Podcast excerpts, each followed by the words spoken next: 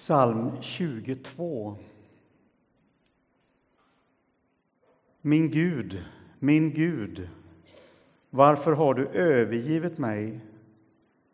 Jag ropar förtvivlat, men du är långt borta.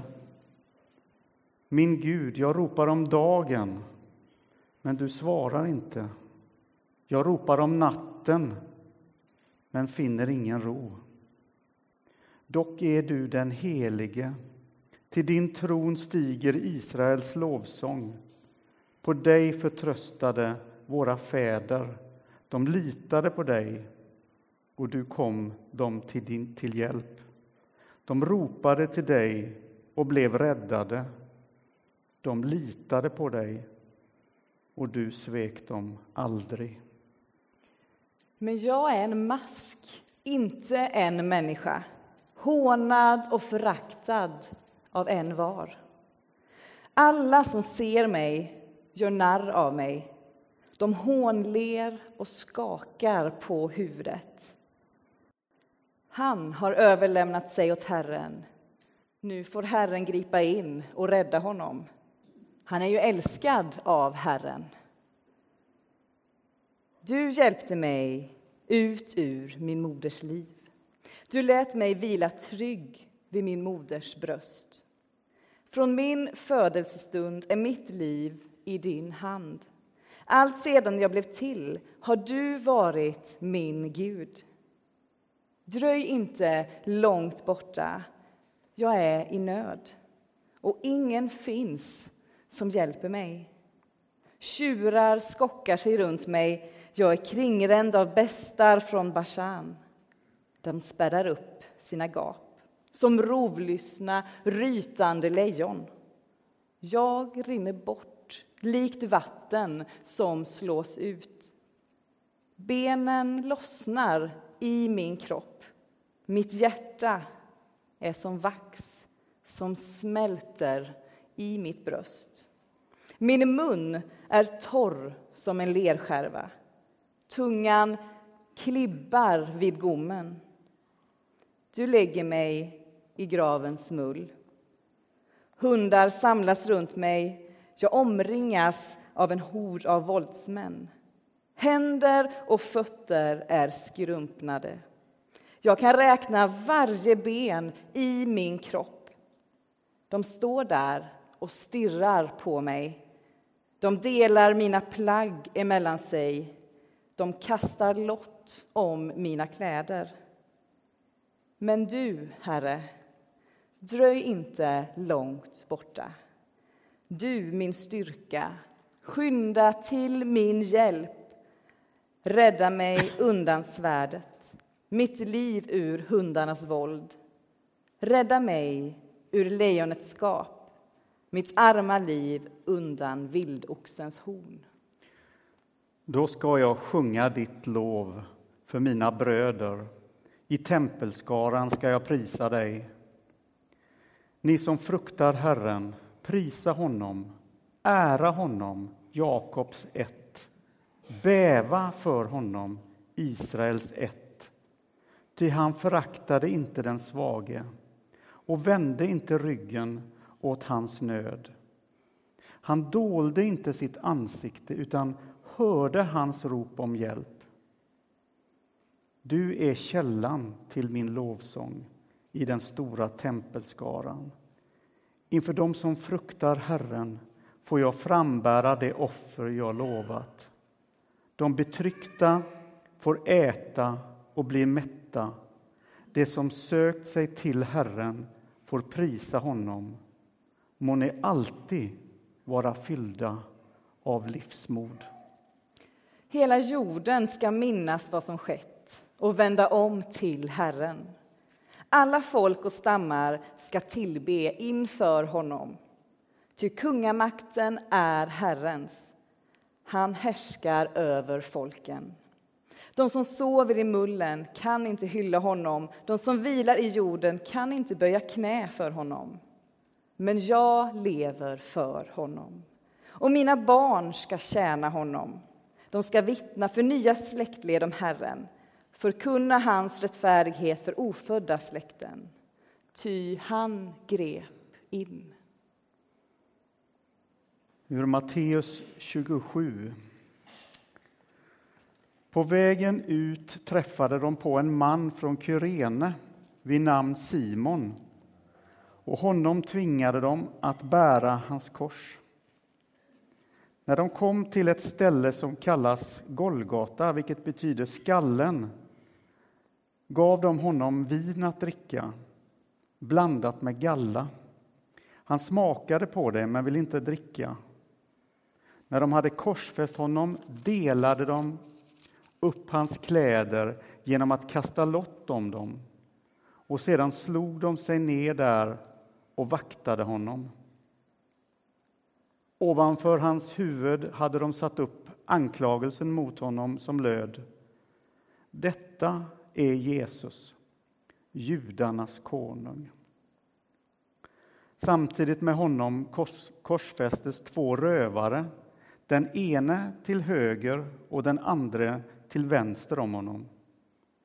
De som gick förbi smädade honom och skakade på huvudet och sa Du som river ner templet och bygger upp det igen på tre dagar hjälp dig själv nu om du är Guds son, så stig ner från korset.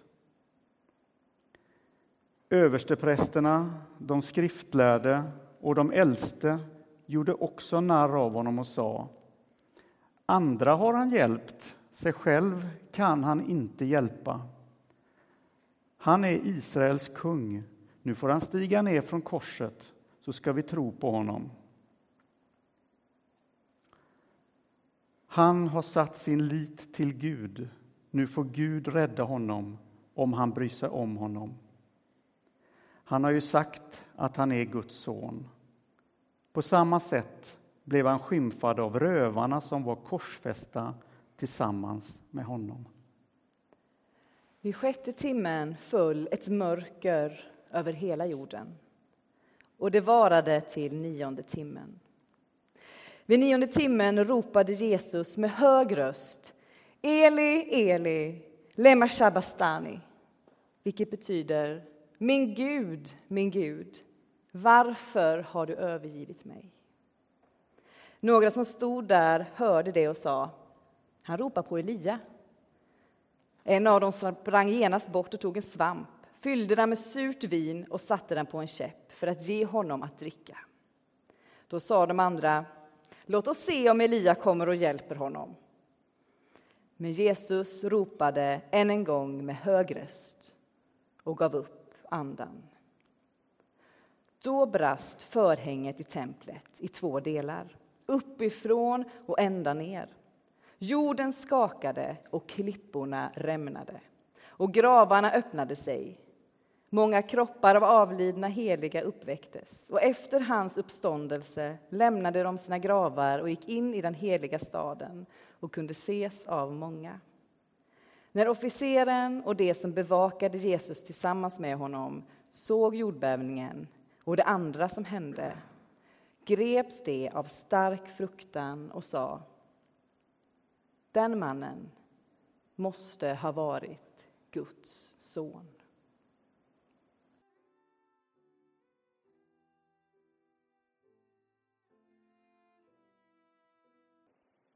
Det finns många tider att stanna upp inför en sån här dag.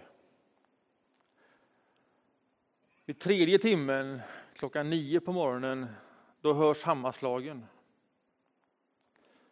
Och vid sjätte timmen, klockan tolv på dagen, då föll ett stort mörker över hela världen. Och det mörkret det varade ända till nionde timmen, klockan tre. Då när Jesus ropar ut orden Eli, Eli, lema Sebachtani, min Gud, min Gud, varför har du övergivit mig? och ger upp andan. Därför firar vi gudstjänst klockan tre idag. Av alla tider att stanna upp en sån här dag är förmodligen denna tiden den allra viktigaste när han ger upp andan. Hela det här rummet gudstjänstrummet där vi är nu utgår ifrån det. Ifrån Jesu Kristi kors. Ni har noterat trädet. Och kanske har ni också sett korset som står här bakom trädet och man kan tycka att trädet skymmer korset. Men det är inte så. Utan här står korset. Det var här han gav upp andan vid nionde timmen. Och vid foten av det korset, där utgår allt. Där växer ett träd upp som blir stabilt med ett vitt grenverk fullt av liv. Och det omsluter oss i hela detta rummet, detta blad och grenverk. Det är vid korsets fot som vi sjunger lovsånger, som vi har färgglada kläder på oss alla andra söndagar än den här söndagen. Därför den här söndagen, då skalar vi av allt detta för att ingenting ska skymma korset. Därför är vi dämpade i klädseln, flera av oss. Därför är det en dämpad lovsång, inte som det brukar vara.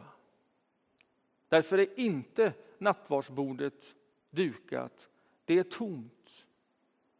Idag får ingenting skymma korset. Här som han gav upp andan. Varför är det här så viktigt? Jo, därför att detta ställer den kanske viktigaste och svåraste frågan. Varför måste Jesus dö? Och vet ni, jag tror man kan vara kristen ett helt liv. Ett långt liv. Och ändå kan man slita för att försöka fånga in och för sig själv och andra beskriva på ett enkelt sätt varför Jesus måste dö. Du vet det i ditt hjärta. Men att verkligen fånga in det i en enkel beskrivning, det är som om det inte riktigt låter sig göras. Därför att det är ett mysterium. Det är ett mysterium. Och ett mysterium kan man aldrig helt och fullt förklara. Och likväl kan det vara där i foten, vid foten av det mysteriet, som allt utgår. Som får det genomslaget som betyder så mycket för mitt liv och för allting som händer. Därför finns det inte bara en enkel beskrivning i Bibeln som förklarar varför Jesus dog. Det finns många beskrivningar. Och det finns många bilder. Inspirerade av livets alla olika områden.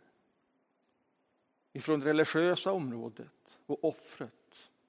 Ifrån rättsväsendet. Ifrån handeln, det sociala livet, ifrån biologin. Om vetekornet inte faller i jorden och dör förblir det ett ensamt korn, säger Jesus. Men om det dör ger det rik skörd. Det där förklarar ju inte varför Jesus måste dö i alla delar så att man intellektuellt kan bena ut det. Men vad det säger och vad han säger där, liksom andra bilder, det säger om han inte ger upp andan och dör så ger det inte rik skörd. Hans liv förutsätter hans död. Vårt liv förutsätter hans död. Varför måste Jesus dö? Ja, ytterst är det bara hjärtat som förstår det. Och genom hjärtat vandrar det in i tankarna.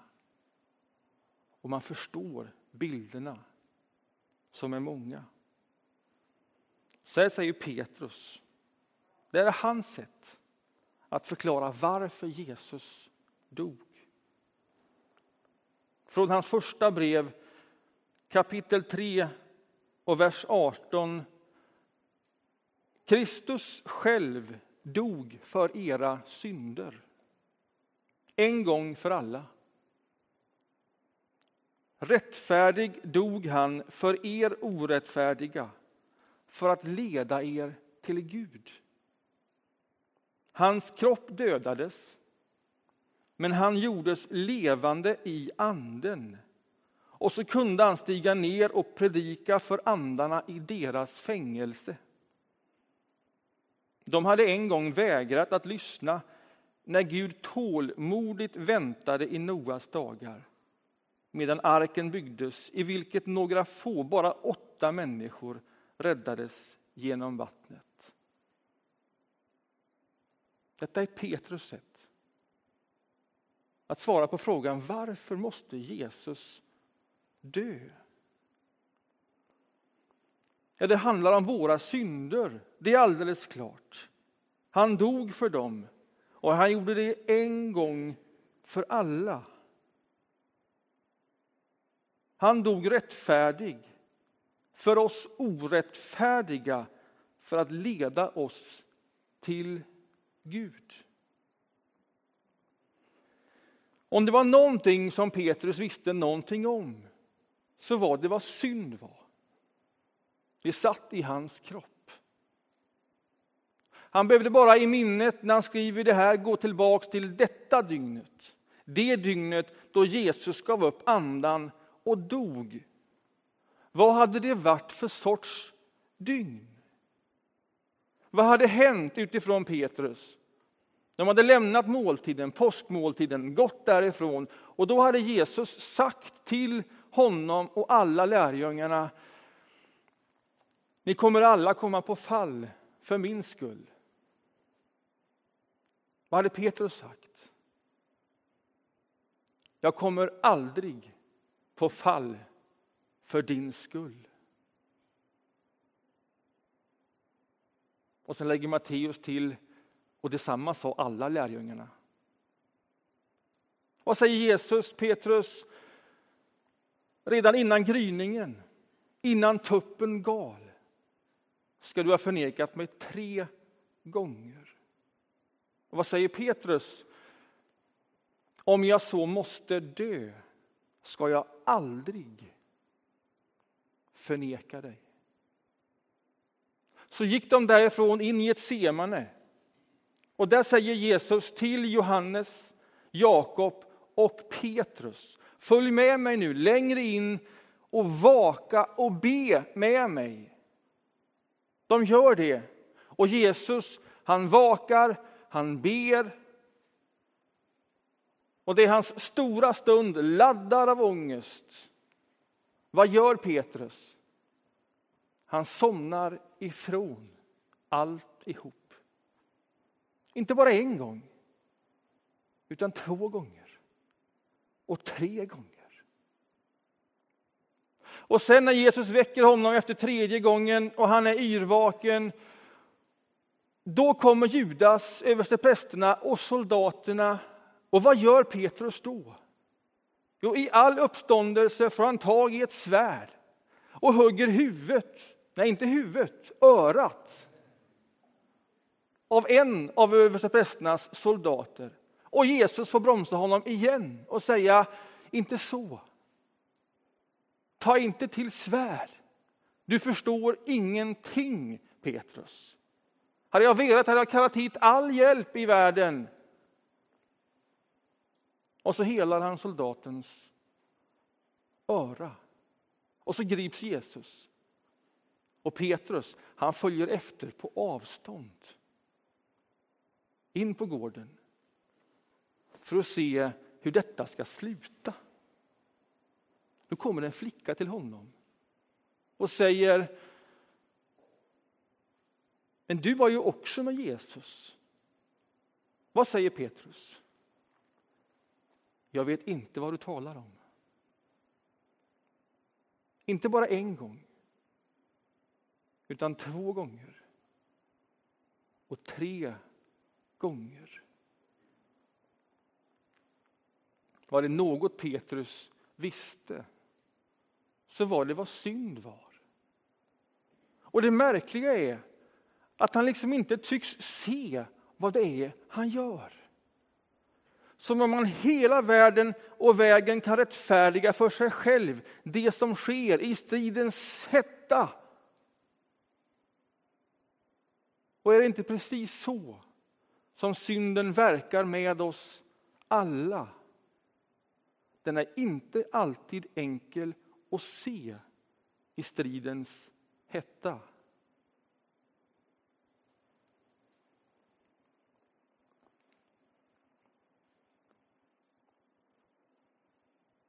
Vad var det han skrev, Petrus? Kristus själv dog för våra synder en gång för alla. Han visste vad det betydde. Rättfärdig dog han för er orättfärdiga för att leda oss till Gud. Ja, så var det ju. Jesus var rättfärdig, utan synd. Och Petrus, det var ju alldeles uppenbart, han var orättfärdig och syndare. Och det var som om det vid korset hade skett ett byte mellan honom och Jesus. För att leda honom till Gud. Detta saliga byte. Så är det nu allt att säga om varför Jesus dog. Han tog vår plats. Han gjorde det för allt det Petrus hade gjort och de andra lärjungarna också. Och allt vad de skulle göra en gång för alltid hade han tagit deras plats, bytt plats. Så att de kunde ledas till Gud. Detta är ena sidan av myntet. Det är andra sidan av myntet. Det handlar om hur jag förhåller mig till detta som har hänt. För så skriver han ju. Jesu kropp dödades, men han gjordes levande i anden. Och så kunde han stiga ner och predika för andarna i deras fängelse. De hade en gång vägrat att lyssna när Gud tålmodigt väntade i Noas dagar medan arken byggdes i vilket några få, bara åtta människor räddades genom vattnet. Vad handlar detta om? Ja, berättelsen som Petrus tar oss med i är ju den om Noa. När Gud ser på jorden och sen ser han att uppsåt och tanke är ont. Det är synd överallt. Vad gör vi med detta? Och så förstår man genom Petrus att Gud väntade tålmodigt på en förändring. Att folk skulle förstå. Att man skulle ha andra uppsåt, andra tankar, andra handlingar men så en dag så tar det tålamodet slut. Och vattnet kommer, utplånar allt, utan Noa och det han samlat i sin ark. Vad är det Petrus försöker säga? Så säger han Jesus, vars kropp dödades gjordes levande i anden. Så att han kunde predika för andarna i deras fängelse. Det vill säga alla de som inte hade lyssnat trots Guds oändliga tålamod. De var inte övergivna. Utan nu kommer Jesus och predikar till dem. De vars andar befann sig som i någon sorts fängelse. Detta är som om det är Petrus egen berättelse. Han berättar genom denna gamla berättelse. Vad är det som sker när man predikar? Vad är vitsen för Jesus att predika? När Petrus själv predikar, stiger fram på pingstdagen, berättar om det som har hänt. Då träffas människorna i sina hjärtan och säger, vad ska vi göra? Och Petrus säger, omvänd er och tro. Låt alla döpa er. Då ska ni få förlåtelse från synderna och ta emot den helige Anden. Detta är ju syftet med att predika. Att man blir träffad i hjärtat. Att man förstår att man en gång inte förstod. Att det går upp för mig att jag inte hade lyssnat. Och när det gör det så är det inte för sent. Då är det inte för sent.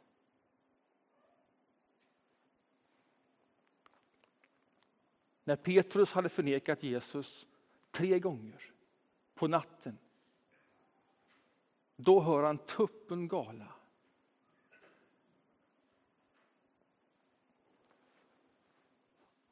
Och det är som att då ser han hela dygnet som just passerat. Då ser han allt han hade gjort.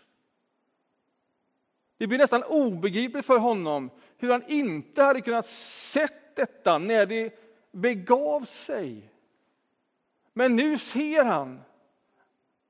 Han ser allt det som Jesus hade sagt. Han ser alla gånger som han hade förnekat. Han ser det han hade gjort. Och han går därifrån. Han går därifrån och han grät. Men så vet Petrus att i det läget, när hjärtat vaknar upp och ser sitt eget liv, när det blir förkrossat, så är det inte för sent. Det är från det perspektivet, när hjärtat blir förkrossat, som du förstår storheten i detta kors. Nödvändigheten av detta kors. Att Jesus behövde dö, ge upp andan. För om det inte sker, då kommer inget nytt liv. Och därför säger Petrus till alla oss som hör och som upplever att vår ande finns som i ett fängelse, då säger han Jesus har dött för dina synder en gång för alla. Det behöver aldrig göras igen. Han var rättfärdig. Han dog. Du är orättfärdig. Och det har skett ett byte så att du ska ledas till Gud. Detta förstår man genom hjärtats förkrosselse. Därför är hjärtats förkrosselse Andens största tillgång.